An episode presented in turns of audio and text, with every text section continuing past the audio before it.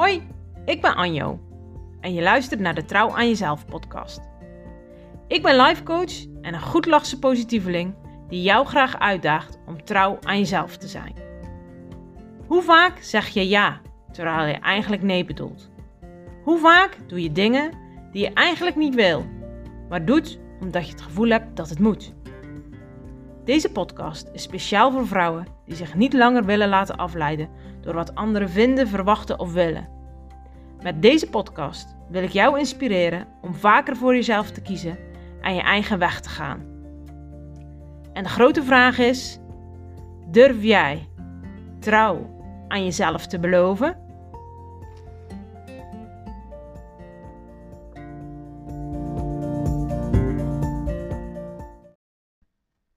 Goedemiddag, lieve vrouw.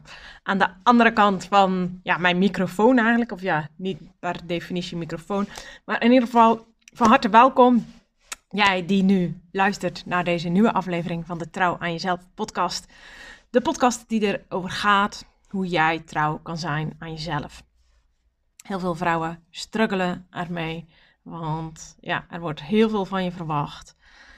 Maar zijn al die verwachtingen, passen die ook bij jou? Passen die bij jouw pad? Waarin jij het geluk kan ervaren, waarin jij je leven zo kan inrichten dat het ook waarde voor jou heeft. En dat jij kan genieten, dat jij ontspannen bent, dat jij jouw verlangens kan leven.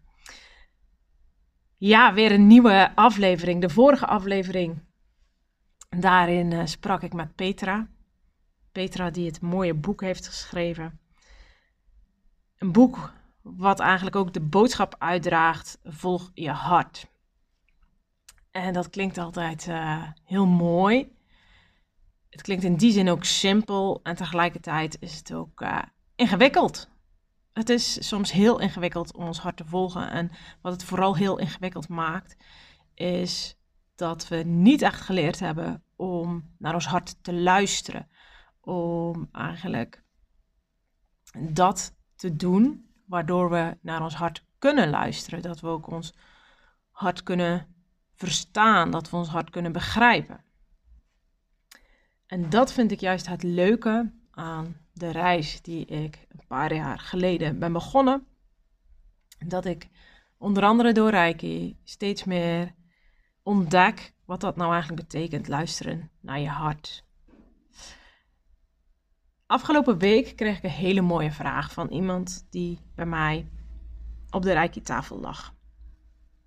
Ik had haar een behandeling gegeven. En ze vroeg: Anjo, ben jij altijd stil tijdens de behandeling? Praat jij nooit? En over stil zijn heb ik best wel al uh, wat meerdere grappen gehoord. Want de mensen die mij kennen, die in mijn privé, um, mijn privéleven zijn. En die komen dan bij mij op de behandeltafel liggen. En dan gaan we inderdaad een uur stil zijn terwijl dat ik behandel. Een van de meest gehoorde opmerkingen die ik krijg van mensen die mij al langer kennen of die mij kennen vanuit het privé uh, stukje, die zeggen dan Anjo, ik heb jou echt nog nooit zo lang stil meegemaakt. Want dat klopt, ik ben een babbelaar. Ik hou van gezelligheid. Ik heb altijd wel iets uh, te vertellen. Ik kan zowel hele serieuze gesprekken hebben, maar ik kan ook echt de grootste flauwekul um, uh, uit mijn, uh, noem je dat? Uit je nek kletsen. Ik kan over niks praten. Ik kan over hele diepzinnige dingen praten. Ik kan lachen. Ik kan um, ja, altijd wel aanwezig zijn. Dus ik snap ook dat die mensen die dan bij mij op de behandeltafel komen, dat die denken, maar Anjo, jij en stil zijn. Maar er zijn verschillende redenen waarom ik het belangrijk vind om tijdens de behandeling die stilte te, ja, te bewaken, te accepteren, te respecteren. Want wanneer was de laatste keer dat jij werkelijk in alle stilte was? Ik denk dat wij in onze huidige maatschappij het niet eens meer echt gewend zijn om in stilte te zijn. Er is altijd wel iets wat een beroep op ons doet. Is het niet een radio? Is het wel een plingeltje van je uh, telefoon of van je computer? Is het wel uh, je collega die iets tegen je wil zeggen? Altijd is er lawaai om ons heen, geluid. En op zich is dat niet erg. Alleen als jij constant in geluid bent, dan kun je nooit in stilte zijn. En juist in stilte zijn zorgt ervoor dat je met jezelf kan zijn. Hoe meer lawaai en hoe, hoe langer jij in lawaai zit. En met lawaai bedoel ik niet dat je in een bomvolle disco hoeft te staan. Maar in dagelijks leven, ga maar, ga maar eens kijken hoe vaak ben jij zonder geluid. Ik bedoel, ook al bij je uh, thuis, zijn de kinderen thuis, zitten zij boven, zitten, zit jij beneden, misschien het piepje van de vaatwasser, uh, de brievenbus die klappert. Altijd is er wel iets wat aandacht van jou vraagt. En daarom vind ik stilte zo, zo belangrijk. Want geluid leidt je af van jou, van jouzelf. Geluid is onder andere een prikkel die ervoor zorgt dat jouw zenuwstelsel eigenlijk altijd aanstaat. Want we zijn heel erg gewend geworden dat we op elk geluidje moeten reageren. Kijk naar ons telefoon. Elke melding die binnenkomt, nou, dan komen we in een actie. Dus ons, ons lichaam staat eigenlijk ook al helemaal klaar om steeds in actie te zijn. Dat is ook een van de redenen waarom ik eigenlijk altijd adviseer: zet alsjeblieft je meldingen uit op je telefoon. Want het heeft gewoon geen nut. Het heeft geen zin. Het zorgt er alleen maar voor dat je jezelf over de mek heen helpt. Het zorgt er alleen maar voor dat jij jouw zenuwstelsel nog scherper gaat afstellen. Maar hoe scherper jouw zenuwstelsel eigenlijk steeds maar afgesteld staat op de buitenwereld, des te minder staat het afgesteld op jouzelf. En dat is waarom heel veel mensen stilte ook moeilijk vinden. Misschien ben jij ook wel iemand die het heel erg moeilijk vindt om in stilte te zijn, met jezelf te zijn. Want op het moment dat het stil is, ja, dan word je geconfronteerd met jezelf, met je eigen gedachten, met je eigen gevoelens, met alles wat er boven komt. Dit zie je ook heel vaak. Um, je ziet het vaak terug in vrouwen of mannen die hebben een lange relatie achter de rug. En die relatie, om wat voor reden uh, dan ook, die wordt beëindigd. En in no time hebben ze een andere relatie. En als die relatie weer uitgaat, komt er weer iemand anders. Dit zie ik als signalen. Ik zal niet zeggen dat het wetenschappelijk onderbouwd is, wat ik nu zeg, maar dat is, dat is mijn visie. Dit zijn mensen die het moeilijk vinden om met zichzelf te zijn. En dat is ook helemaal niet gek, want we hebben het ook niet geleerd. Juist omdat we zo op de buitenwereld zijn gericht. We, hebben, we zijn geleerd dat de buitenwereld bevestiging aan ons geeft dat we goed genoeg zijn. Maar wat als die buitenwereld dan wegvalt? Door bijvoorbeeld dat er ineens geen partner meer is.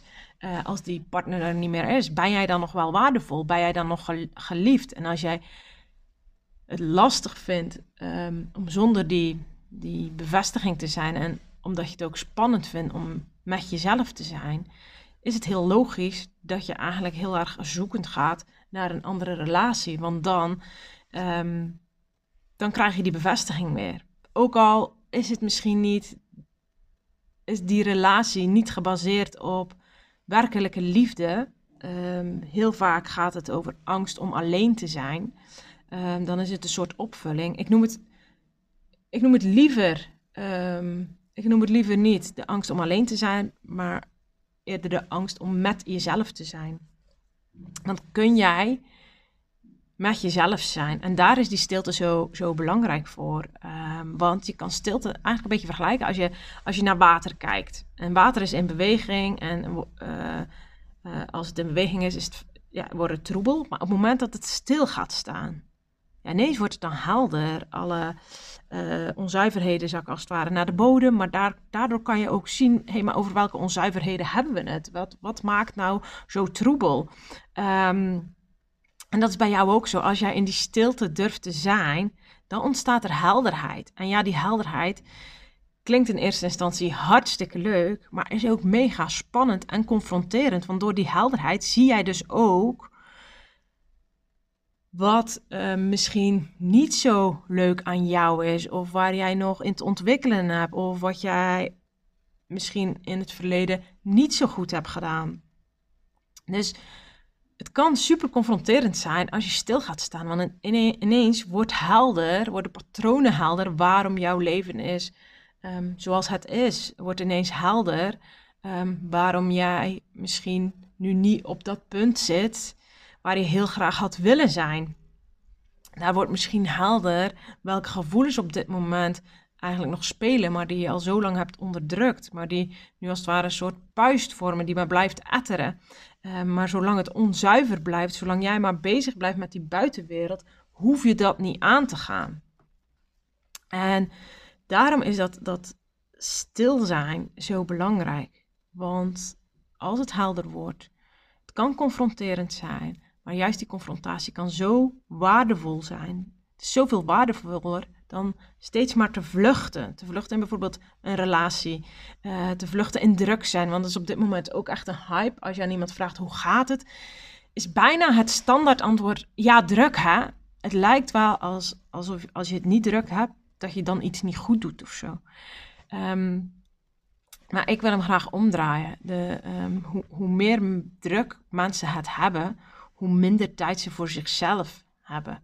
Dus hoe drukker jij het hebt, hoe minder tijd jij dus voor jezelf hebt. En als jij weinig tijd met jezelf doorbrengt, hoe kun jij dan weten wat voor jou belangrijk is? Want als jij keuzes voor jezelf wil maken, is het belangrijk om te weten wat waardevol voor jou is. Maar dat kun je niet meer weten, dat, dat, daar raak je van, uh, van verwijderd op het moment dat je altijd je aandacht aan, aan alles en iedereen geeft, omdat je het druk hebt. Daarom is die stilte uh, zo belangrijk. Want die stilte, die heb je nodig om met jezelf te kunnen zijn. Om, om te zien wie ben jij. Want heel vaak zitten we in die, in die snelheid van het leven, waardoor je keuzes maakt die eigenlijk helemaal niet bij jou passen.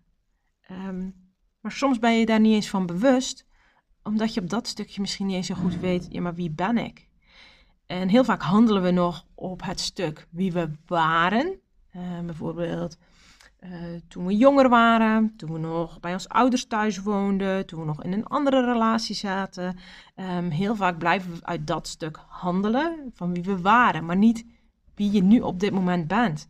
En heel vaak kan je dat stuk ook niet kennen, omdat je het spannend vindt om met jezelf te zijn in die stilte. Um, maar juist het stil zijn is zo belangrijk, omdat je dan ook kan zien wie jij bent, um, waarin je jezelf mag gaan vergeven. Uh, een stuk zelfacceptatie, maar ook een stuk zelfliefde. Zo van kun jij de liefde voor jezelf voelen? Als je altijd maar bezig bent met de buitenwereld, hoe kun je dan liefde voor jezelf eigenlijk gaan voelen? Kan niet. Daarom is dat stil zijn, uh, dicht bij jezelf zijn zo belangrijk. Juist dan kun je, kun je trouw zijn aan jezelf. De stilte is voor mij als het ware een belangrijke tool die ik aan mijn mensen wil meegeven, aan mijn klanten wil meegeven. Omdat het een belangrijk onderdeel is op het pad van trouw zijn aan jezelf. Zodat je dicht bij jezelf kan zijn en zodat je jezelf kan ervaren. En soms uh, op de rijke behandeltafel ervaar je het heel bewust. Maar soms zit je ook in een laag van ontspanning dat je het niet eens zo heel erg bewust ervaart. Um, maar dat je in een laag zit waarin je weer op een ander niveau ervaart. Dit klinkt misschien heel vaag. Uh, ik kan het in die zin ook niet zo goed uh, verwoorden. Maar het gaat er vooral om dat je door die stilte eigenlijk op een laag van jezelf komt. Waar je normaal gezien in je dagelijks leven niet komt. En dat laagje kan misschien wel iets heel. Um, daar kan juist misschien wel iets heel belangrijks uh, voor jou in zitten. Of juist een blokkade. En door die stilte, um, door die stilte zorg, er ook voor, zorg ik er ook voor dat je niet afgeleid kan zijn. Tijdens mijn behandeling vind ik het belangrijk dat er stilte is, zodat je met jezelf bezig bent en niet bijvoorbeeld met een gesprek met mij. Daardoor kun je met jezelf zijn en in die ontspanning gaan. Zodat je even kan ontsnappen aan alle prikkels. Maar wat ik daarin ook ja, belangrijk vind, is dat je weer even ervaart. hey, hoe, hoe is dat eigenlijk als ik in stilte ben? Heel veel mensen vinden het echt super spannend. En ik wil jou vragen, hoe, hoe ben jij met stilte? Kun jij thuis op de bank gaan zitten, radio uit en gewoon voor je uitstaren? Of heb je een tv nodig, een telefoon, een radio? Kun jij stil zijn met jezelf? En stel jezelf eens de vraag van, als je dat moeilijk vindt, zo van, als je van jezelf maakt, oké, ik ga het vandaag eens proberen, ik ga op de bank zitten en ik ga voor me uitstaren. En je merkt dat je die neiging hebt om toch maar je telefoon te pakken of, of wat dan ook. Sta stil. Wat, wat maakt dat je dit zo lastig vindt? Daag jezelf eens uit. En ga eens kijken op, op welke manier speelt stilte bij jou een rol. En hoe is het voor jou om met jezelf te zijn? Heb jij anderen nodig om je goed te voelen? Of ben jij oké met jezelf? Kun jij accepteren wie je zelf bent? Stilte is daarin ja, heel waardevol. En daar wil ik je eigenlijk ook uh, toe uitnodigen om gewoon eens wat vaker, vaker de stilte op te zoeken. Ik hoop dat ik je wat uh, inspiratie heb kunnen uh, brengen. En als jij zelf ook eens wil ervaren hoe stil ik kan zijn. uh, nee, dat is een grapje. Als jij zelf wil ervaren um, wat een reiki-behandeling voor jou kan betekenen, dan ben je altijd van harte welkom. Stuur me gewoon een berichtje.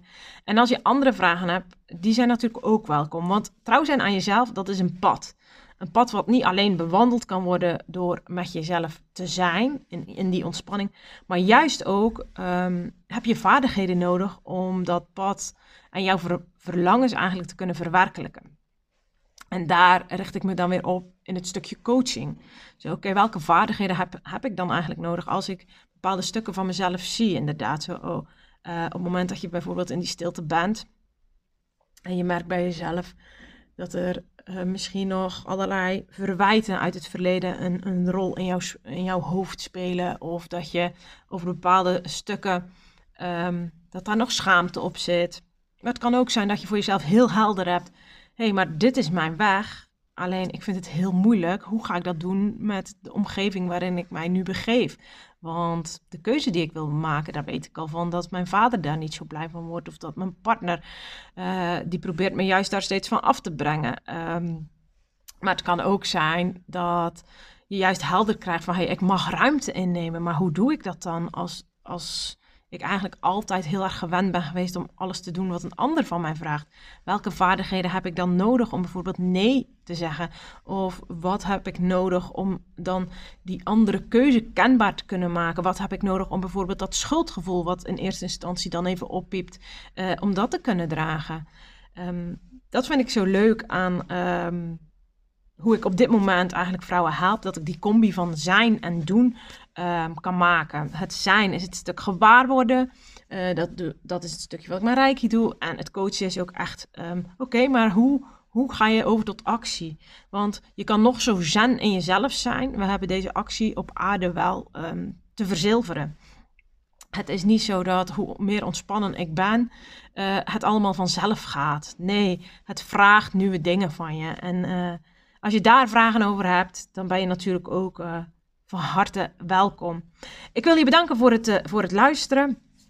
En deel deze podcast zeker, want ik vind het superleuk dat steeds meer vrouwen de podcast uh, weten te vinden. En onthoud één ding. Ook jij bent het waard om trouw aan jezelf te zijn. Tot de volgende!